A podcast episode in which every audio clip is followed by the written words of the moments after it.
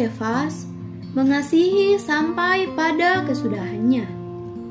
Dalam Yohanes 13 ayat 4 sampai 5 mengatakan, Lalu bangunlah Yesus dan menanggalkan jubahnya.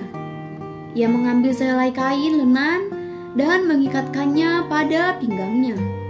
Kemudian ia menuangkan air ke dalam sebuah baskom dan mulai membasuh kaki murid-muridnya.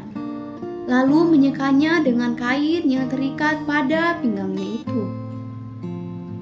Ayat 1 mengatakan bahwa Tuhan mengasihi orang-orang miliknya yang di dunia ini dan ia mengasihi mereka sampai pada kesudahannya.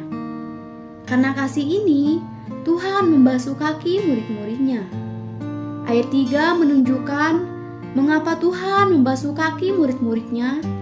Pada saat itu, ia tahu akan tiga hal. Yang pertama, Bapa telah menyerahkan segala sesuatu ke dalam tangannya. Yang kedua, ia datang dari Allah.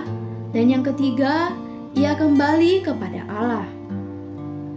Karena ketiga hal inilah ia membasuh kaki murid-muridnya. Segala sesuatu yang Bapa serahkan kepadanya, terutama adalah murid-muridnya.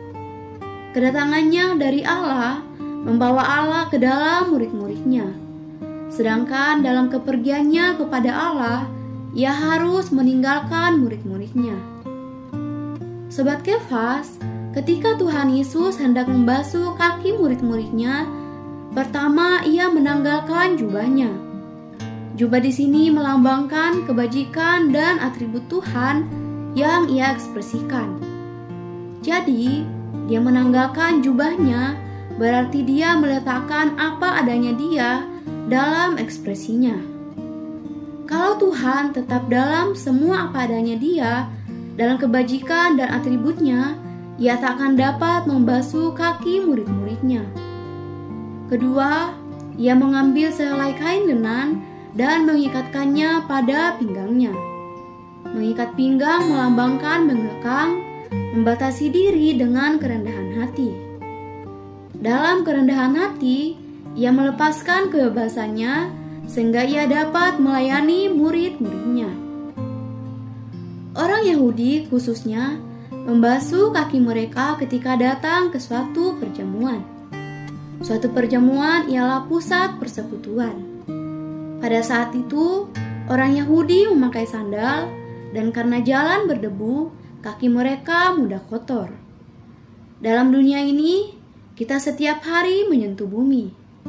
Bumi yang kita sentuh ini membuat kita kotor dan menghalangi persekutuan dengan Tuhan dan dengan satu sama lain.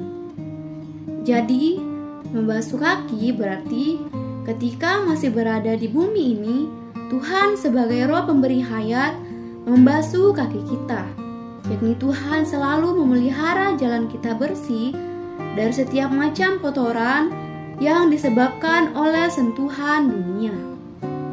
Terang hari ini yang pertama, sebutkan tiga alasan Tuhan harus membasuh kaki murid-murid. Yang kedua, bagaimana Tuhan membasuh kaki murid-murid. Poin doa, Berdoa agar Tuhan memberi anugerah agar kita juga boleh saling membasuh kaki. 面。